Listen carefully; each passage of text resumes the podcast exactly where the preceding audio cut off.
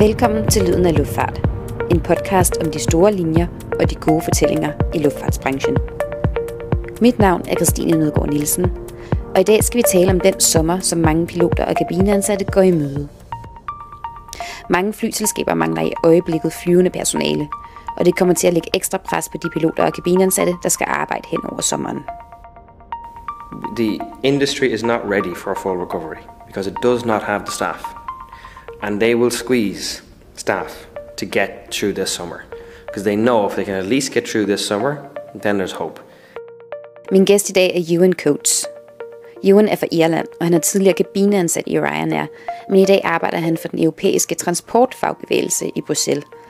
Han er nemlig ansvarlig for luftfart i European Transport Workers Federation, også kaldet ETF. We do everything to do with airplanes, air traffic control, ground handling, airports, we do it all. ETF repræsenterer fagforeninger fra hele Europa, inklusiv flyvebranchens personaleunion. UN Codes og ETF arbejder blandt andet med EASA om for eksempel FTL-regler, og de laver lobbyarbejde i EU. We have that ability to engage with different countries and to, to lobby and push in a direction which the workers need. Uh, and through unions like FPU, the Danish pilots and cabin crew are represented and we speak on their behalf. So it's like a relay. The baton is handed up from the worker to the union to us. And we go into these meetings at European level uh, to, you know, to, to represent their interests. Eoin Coates forudser, at det kan blive en hård sommer for det flyvende personale. Piloter og kabineansatte vil blive bedt om at arbejde på fridage på grund af personalemangel, og de vil skulle håndtere passagerer, der er utålmodige, når de kommer ombord på flyene, fordi de har brugt timevis på at komme gennem lufthavnen. Men UN Coates ser også muligheder i, at flyselskaberne efter to år nu ikke længere kan vælge og vrage mellem ansøgere. Nu er det i stedet vigtigt, at de forsøger at holde på dem, de har.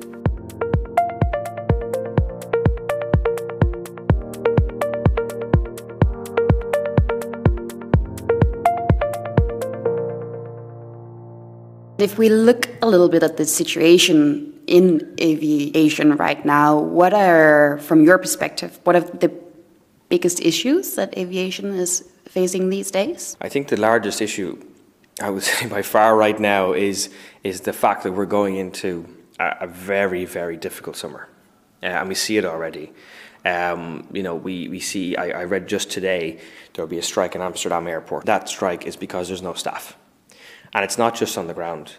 We've heard of EasyJet having to remove 20 something, 30 seats from their aircraft so they could have one less cabin crew member. Nobody has staff. And what's going to happen is it's going to put more pressure on those that are already working. Pilots and cabin crew in particular will have to fly more. Cabin crew will be exposed more, I think, to more disruptive passenger incidents. We'll have a lot more stress in the airplane from the passengers. They'll have spent two and a half hours in security before they get to the airport. Issues like this, I think, are really going to affect us. And la- this time last year, we said publicly to the Commission, the European Commission, and to the airlines and all employers that there will be a shortage of staff and this will stop the industry from recovering. And right now, a year later, there is a shortage of staff which is stopping the industry from recovering. So I think that is the biggest issue we face in the short term. What happened to the staff? Because they were there before the pandemic, so why is it so hard to get the staff you need now? It's a combination of factors, I think. So one is the the furlough schemes. So some furlough schemes, depending on con- the country you're in, have been quite good. Some have been terrible. The other issue we have is, particularly in cabin crew and ground handling, we find a scenario where the jobs people have found during the pandemic are better than the jobs they have now because over decades they have managed to cut the standards of employment. We have agency employment, we have low pay, uh, pay to fly, all these other issues. And you know, if if you're a cabin crew out of a job with no furlough or out of a job who gets another job which they really enjoy, then they're not going to come back. I mean, why would you? You don't have to deal with early mornings. You don't have to deal with shift work. You don't have to stand on a you know freezing cold aircraft door in you know the middle of January. Similarly, pilots who have just, you know, taken in, taken big loans to, to become a pilot just before the pandemic hit. You know, what do you do? You know, this is two years, and people caught in this trap have found other jobs and have found other ways to pay for pay their bills, and a lot of them are easier than flying. I think we all in aviation have this passion for aviation, uh, and I do think over time, like particularly in the last few years, this effect has worn off, particularly over COVID. I think a lot of people are very tired in aviation, um, and I think it's meant a lot of people have left. Um, but in our eyes, it's quite simple. The only way to get people back is decent work, is good quality jobs, good quality salaries that are competitive. And if you can't do that, people aren't going to come back because we do ask, airlines in particular, ask a lot of their workers. They ask them for a lot of difficult hours, long days, and it always gets more. And everyone has a breaking point. So this is not going to get any better. The more you fly, the more sick you become, the more issues you develop. And it's, it's a continuous cycle of problems, in my view. So I think, um, yeah, a lot of people haven't come back, a lot of people won't come back, and we've no long term solution to this. The only solution I can see is an improvement in conditions, which they don't want to do. So, yeah, it'll be an interesting summer.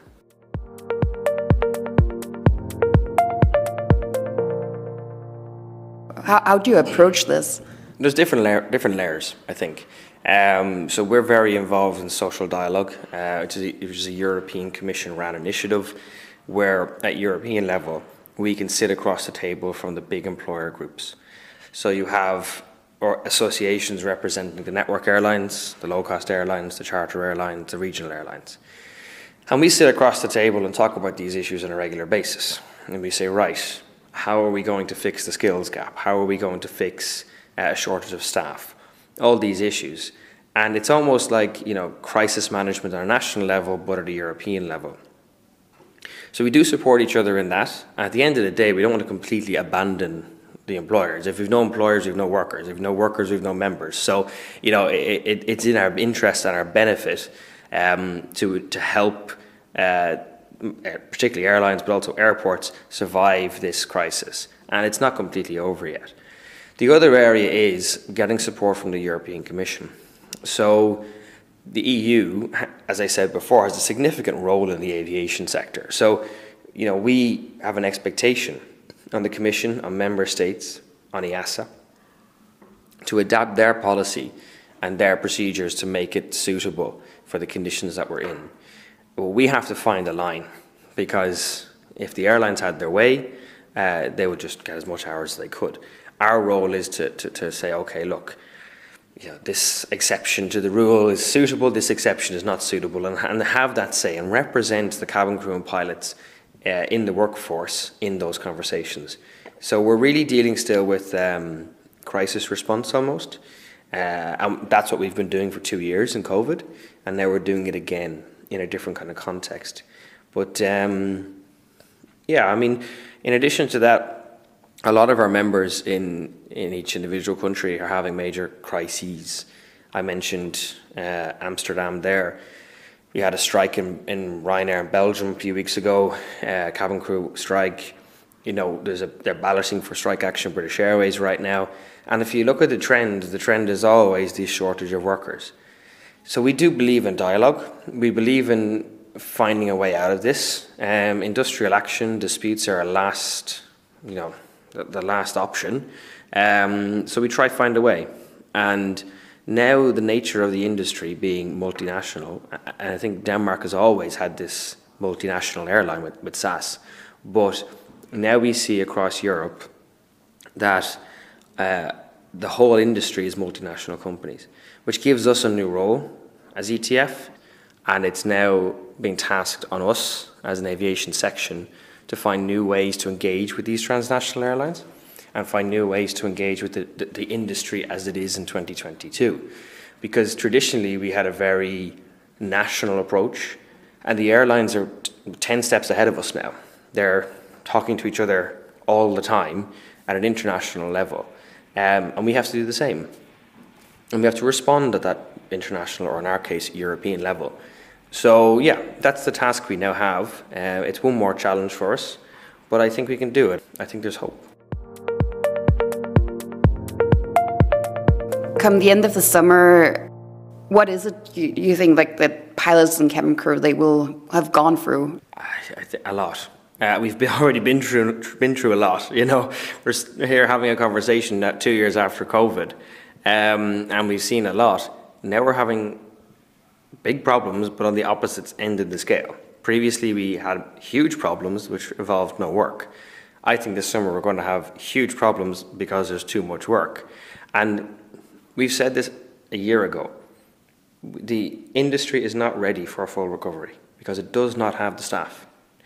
And they will squeeze staff to get through this summer because they know if they can at least get through this summer, then there's hope. There's no way they're going to be able to hire people to start effectively next week. You know, um, it's not going to happen. So many airlines you've seen have recruited, but I think we're back to the days of 2017, 2018 when there was a crunch on crew and we did not have enough crew and we had 100 hours a month and we were really at the max of our, of our limits. This, um, yeah, th- this is to, this summer is going to be that summer again. It's going to be the 2017 and 2018 seasons where we had no staff. So I think, uh, yeah, we will have a very difficult few months ahead. Um, I think by the time we get out of this, we'll have seen a lot of industrial action across Europe. We already see it um, nearly every week. We have a strike or some disruption. Uh, I think they announced there will be a strike in Ryanair in Italy. Um, and ironically, this is people are not striking for paying conditions as much. They're now striking because they're being worked too hard. And summer hasn't really started yet. So I think we have a very difficult summer ahead but we'll manage our way through. Um, I am very worried for people because I think you know this level of work is going to be difficult on people, but we'll see.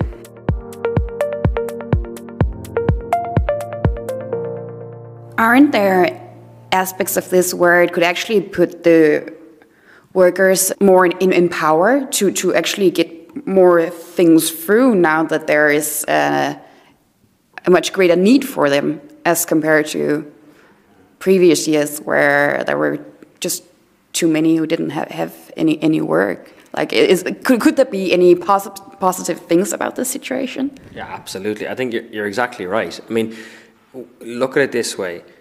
Our you, I'm sure the listeners will know and will have been asked to fly this day off or do this extra shift or whatever because you are now the most valuable resource they have there is a limited value, a limited quantity of workers, which means there is an increased value in those workers. And, you know, to, I, to take this market idea of supply and demand, the lower the supply, the higher the demand. And I think crew are in that situation right now. So we have a very, as unions and as trade unionists uh, and trade union members, we're in a very unique position that we have the upper hand here. They need us more than we need them right now. And I think that's important to remember. Uh, and also, it's important to remember what happened after 2001 and in 2008 with the economic crash. We have never recovered those terms and conditions. Never. They have never come back. They never will come back. But we can't be sitting here in 2030 or 2025 saying, Do you remember the good old days of 2019? Because they weren't that great.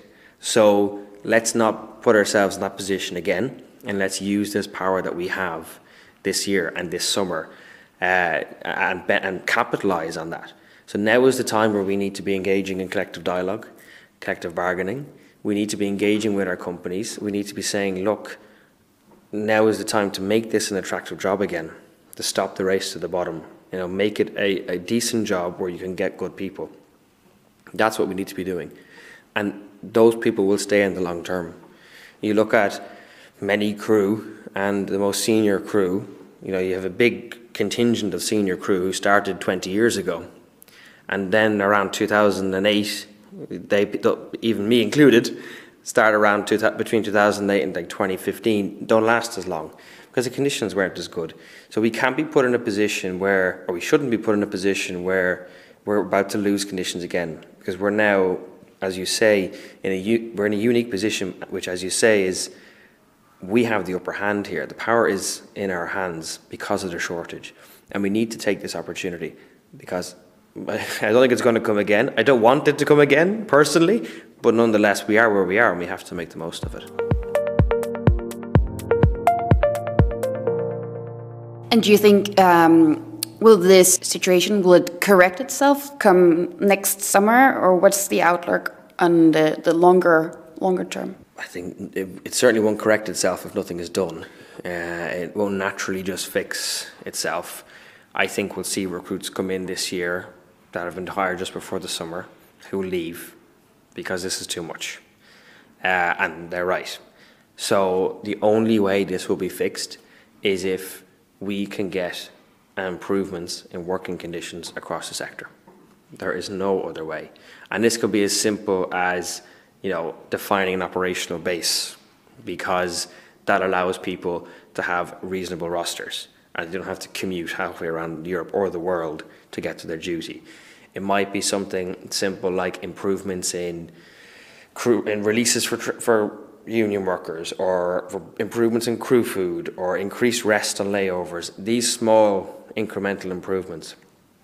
It's not a revolution. We don't have an opportunity to revolutionize the whole industry. I wish we did, but let you know, let's take what we can get. Um, but we need to start building back up again, because the minute uh, the minute the next crisis hits, it, the, the, cuts will begin again, uh, and we've seen it in COVID. But we need to recover, recover the industry, but also recover our, ourselves and recover our terms and conditions. Uh, that's the only way.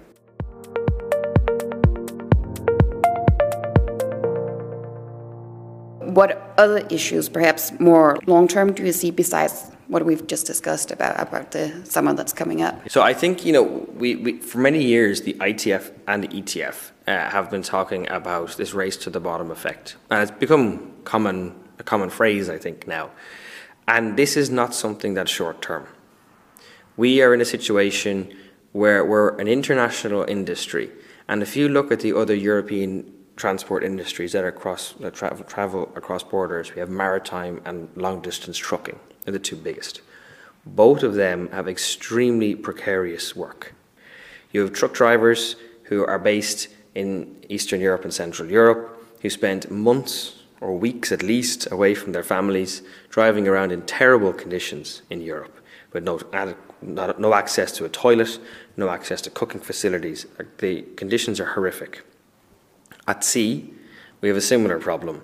We have workers that are nine months away from their families.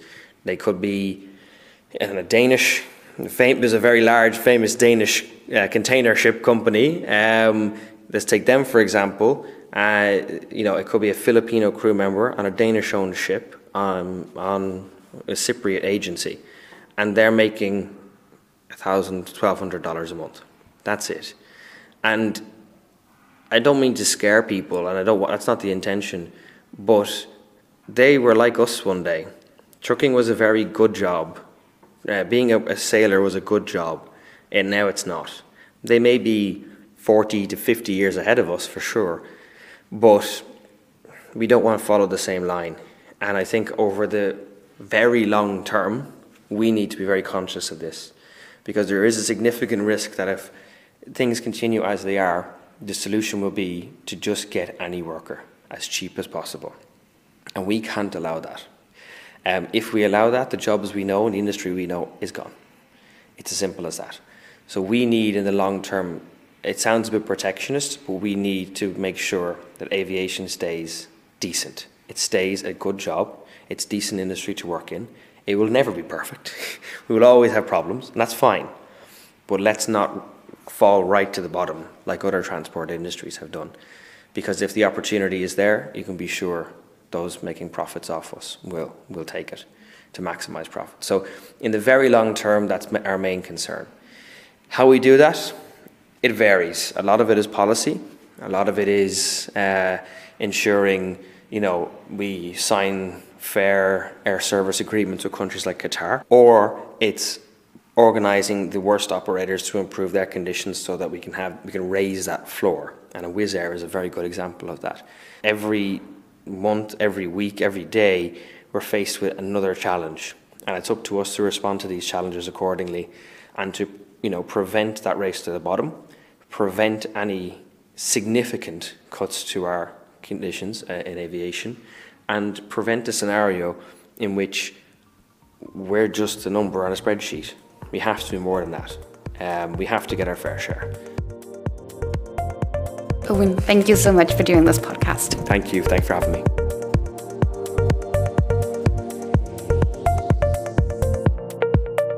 Min gæst i dag var Johan Coates, der er Head of Aviation hos European Transport Workers Federation, eller ETF. Mit navn er Christine Nødgaard Nielsen, og du har lyttet til Lyden af Luftfart.